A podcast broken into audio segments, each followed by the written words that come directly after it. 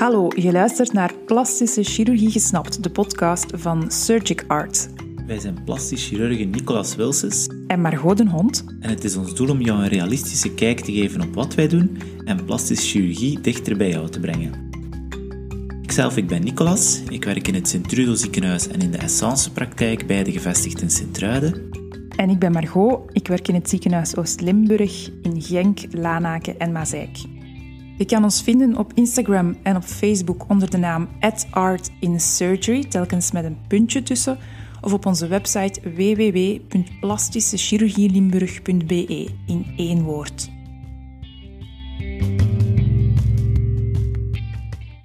In onze rubriek Dokter, ik heb een vraag beantwoorden we een vraag die we regelmatig te horen krijgen. Onze vraag voor vandaag luidt als volgt. Wat moet ik weten over een liposuctie? Wat je moet weten over liposuctie? Wel, het eerste is, wat is dat, een liposuctie? Liposuctie wil eigenlijk zeggen dat je met behulp van suctie, dus zuigen, zuigkracht, het subcutane vet gaat verwijderen. En subcutaan, dat wil zeggen uh, onder de huid. Dus, dus het vet dat zich bevindt tussen de spierlaag en de huidlaag, dat gaan we door middel van suctie verwijderen. Dat kan als een alleenstaande ingreep, of dat kan ook gebruikt worden als een, als een toevoegsel, een adjunct aan andere ingrepen, om zo een optimaal resultaat te bekomen.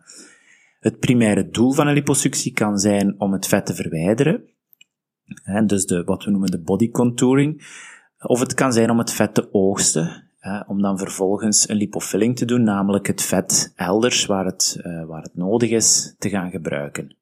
Waar kan een liposuctie uitgevoerd worden? En dan bedoelen we, voor, bedoelen we de gebieden van het lichaam. Ik denk de meest voorkomende is de buik. Zowel rond de navel, de onderbuik, maar ook bijvoorbeeld de bovenbuik. Dat kan als, een, als toevoegsel bijvoorbeeld bij een borstreductie gebruikt worden. De love handles, of de abdominale flanken.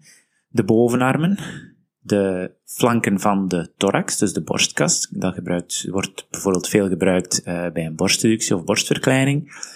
De buitenkant van de dijen de binnenkant van de dijen, de schouders, bijvoorbeeld uh, het droogte van het BH-bandje is ook een veel voorkomende. De nek achteraan, een dubbele kin, de borst, en dat is dan voornamelijk bij mannen, bij, een probleem dat we gynecomastie noemen. Maar in essentie komt het erop neer dat we dat overal kunnen doen waar er eigenlijk een excess of een teveel is aan subcutaan vet. De nadruk ligt hier wel degelijk op subcutaan, dus um, we kunnen enkel het vet verwijderen dat onder de huid ligt. We stapelen bijvoorbeeld ook heel veel vet op, als we, als we verdikken, stapelen veel vet op tussen onze darmen. Dat is, dat is vet dat we nooit met liposuctie kunnen behandelen. Wie is de ideale kandidaat voor een liposuctie? Wel, de ideale kandidaat, dat zijn, of de ideale kandidaten, dat zijn gezonde personen die op het streefgewicht zijn, of er toch dichtbij zijn, niet rokers, en die heel typisch een, een, een zone hebben waar er, waar er ja, koppig subcutaan vet is, aanwezig is, dat ondanks sporten, ondanks diëten niet verdwijnt. Verder hebben de ideale kandidaten ook een gezonde, intacte huid met nog een goede elasticiteit. Wat daar niet onder valt, bijvoorbeeld, zijn striemen of zones van cellulitis. Dat maakt de kandidaat minder geschikt. Werkt een liposuctie om gewicht te verliezen? Daarvoor is het, daarop is het antwoord heel duidelijk nee. Dat werkt niet. Um, we kunnen wel degelijk veel vet verwijderen, maar vet weegt niet veel. Vet drijft op water. Dus veel gewicht ga je daar niet mee verliezen. Um, liposuctie noemen we soms ook wel liposculptuur. Het doel van de liposuctie is niet om, om gewicht te verliezen. Het doel van de liposuctie is body contouring. Het, de vorm van ons lichaam op bepaalde zones aanpassen. Dat is een heel andere insteek dan, dan, dan echt het gewicht te doen verliezen. Hoe kan je als patiënt voorbereiden op zo'n ingreep? Wel, het is belangrijk dat je iemand contacteert die je, die je meeneemt naar het ziekenhuis of die instaat voor het vervoer naar huis. Soms is het nodig om bepaalde medicatie te stoppen. Dat wordt dan met jou op de consultatie besproken. Als je rookt, zoals ik eerder al zei, ben je geen goede kandidaat en dien je te stoppen. Soms is het nodig om enkele preoperatieve onderzoeken uh, uit te voeren, zoals een bloedname, een, een filmpje van je hart of een EKG. Dat is allemaal een beetje afhankelijk van je algemene gezondheidstoestand, je leeftijd soms. De ingreep vindt plaats onder algemene anesthesie, dus dat wil zeggen dat je je nuchter moet aanmelden in het ziekenhuis. En nuchter wil zeggen dat je vanaf middernacht niet meer mag eten of drinken. En dan de laatste, of de laatste manier waarop je jezelf kan voorbereiden, is door drukkledij te voorzien. Uiteraard bespreken we dan met jou op de consultatie uh, welke vorm van drukkledij voor jou in aanmerking komt, uh, waar je die kan verkrijgen en, en, en waar je op moet letten als je die, uh, als je die aanschaft. Hoe verloopt de ingreep nu? Wel, zoals ik al zei, het is een ingreep onder volledige narcose, onder algemene anesthesie. Die gebeurt in het, uh, in het ziekenhuis, in het grote operatiekwartier. Voor de ingreep moet je nog even voor ons komen rechtstaan. Tekenen we je, de bepaalde zones die we gaan behandelen, tekenen we dan af. Dan ga je in slaap. En eens dat je in slaap bent, dan, dan gaan we jou ja, ontsmetten uh, en steriel afdekken en dan begint de behandeling. En de behandeling begint eigenlijk met voordat we daar iets uit gaan kunnen zuigen, moeten we daar eerst iets inspuiten. We spuiten daar een mengeling in van vocht, lokale verdoving zit daarin, daar zit ook een beetje adrenaline in. Eh, allemaal om, ja, om de pijnstilling natuurlijk, de adrenaline is om, om het minder te doen bloeden. Dat moeten we dan voldoende lang laten inwerken en dan kunnen we starten aan de liposuctie. En de liposuctie zelf, dat gebeurt via een kleine incisie, een paar millimeter groot, langs waar dan een heel lange canule wordt in, in de laag tussen de huid en, en de spieren wordt ingeschoven, dus in die vetlaag. En die wordt heen en weer geschoven en, en bij elke passage neemt hij dan een beetje van het, van het vet mee. We meten heel nauwkeurig af hoeveel vocht er in elke zone ingaat, hoeveel vocht eh, en vet er in elke zone uitgaat. En zo gaan we dan voor een, voor een symmetrisch resultaat, voor een mooi symmetrisch resultaat. Dat wordt ook op het einde van de ingreep nog gecheckt en eventueel in bepaalde zones uh, nog een beetje extra bijgezogen. Dan worden de wondjes gesloten, afhankelijk van, uh, van chirurg tot chirurg met, met uh, welke draad, maar dat wordt allemaal wel met jou besproken.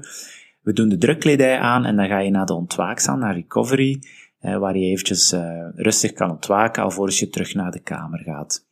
Het is in principe een dagopname, dus dat wil zeggen dat je s ochtends binnenkomt en ook s'avonds weer naar huis gaat. Hoe verloopt het herstel van zo'n ingreep? Wel, dat is een beetje afhankelijk natuurlijk van hoe uitgebreid dat de liposuctie is, welke zones behandeld worden.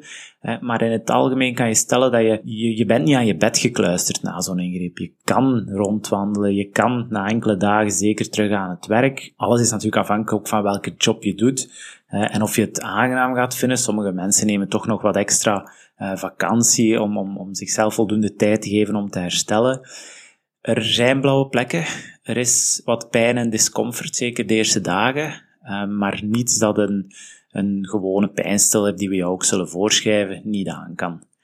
En dan is het natuurlijk belangrijk om je drukkledij te dragen, dit voor enkele weken. Hoe lang, dat wordt ook met jou besproken op de consultatie. En het is belangrijk dat je voldoende rust, dat je gezond eet en drinkt en vooral ook dat je niet rookt. Zijn er littekens na zo'n ingreep? Ja, die zijn er, maar ze zijn heel klein. En dus zoals ik al zei, het zijn uh, gaatjes van enkele millimeters, maar die genezen over het algemeen rustig. Welke resultaten mag je verwachten? Wel, we gaan pas uitspraken doen na een drietal maanden. Omdat we natuurlijk bij de ingreep, zoals ik daarnet zei, eerst heel veel vocht inspuiten. En dan door de chirurgische ingreep zelf gaat je lichaam ook reageren door, door veel vocht naar die regio te sturen. Dus tegen dat al die zwelling daaruit is, dat duurt een drietal maanden. Je huid moet ook voldoende tijd krijgen om zich aan die nieuwe situatie aan te passen. Dus die moet opnieuw een beetje gaan krimpen. Om zich over, over de, ja, de strakkere ondergrond uh, te gaan opspannen. En dat, dat, dat neemt gewoon allemaal wat tijd in beslag. Zijn er complicaties na zo'n ingreep? Ja, het, het, is en blijft een chirurgische ingreep. Dus complicaties zijn mogelijk. Complicaties van chirurgie zijn bijvoorbeeld bloeding of infectie. En dan bij dit soort ingrepen is er altijd een, klein risico op onregelmatigheden waar we eventueel in tweede fase nog iets aan moeten doen. Nu, ik denk het laatste dat ik nog zou willen vermelden bij, als je nadenkt over een liposuctie is, tijdens deze ingreep verwijderen wij wel vetcellen, maar de achtergebleven vetcellen die kunnen nog altijd enorm groeien. Dus als je je levensstijl niet aanpast, kan je nog altijd dikker worden in, in de regio's die behandeld zijn met liposuctie. Dus dat is toch wel belangrijk om in het achterhoofd te houden. Liposuctie is een esthetische ingreep, dus dat wil zeggen dat er geen tussenkomst is van de mutualiteit of van de zorgverzekering. De uiteindelijke prijs is afhankelijk van het aantal zones die behandeld worden en dat wordt met jou besproken op de consultatie. Zo, hopelijk heb je hier wat aan gehad. Als er nog vragen of onduidelijkheden zijn, aarzel niet om ons te contacteren. We zouden het ook heel fijn vinden als je meehelpt om deze boodschap te verspreiden, want zo kunnen wij ons steentje bijdragen om jou ook in de toekomst nog beter te informeren. Dankjewel. Dank je.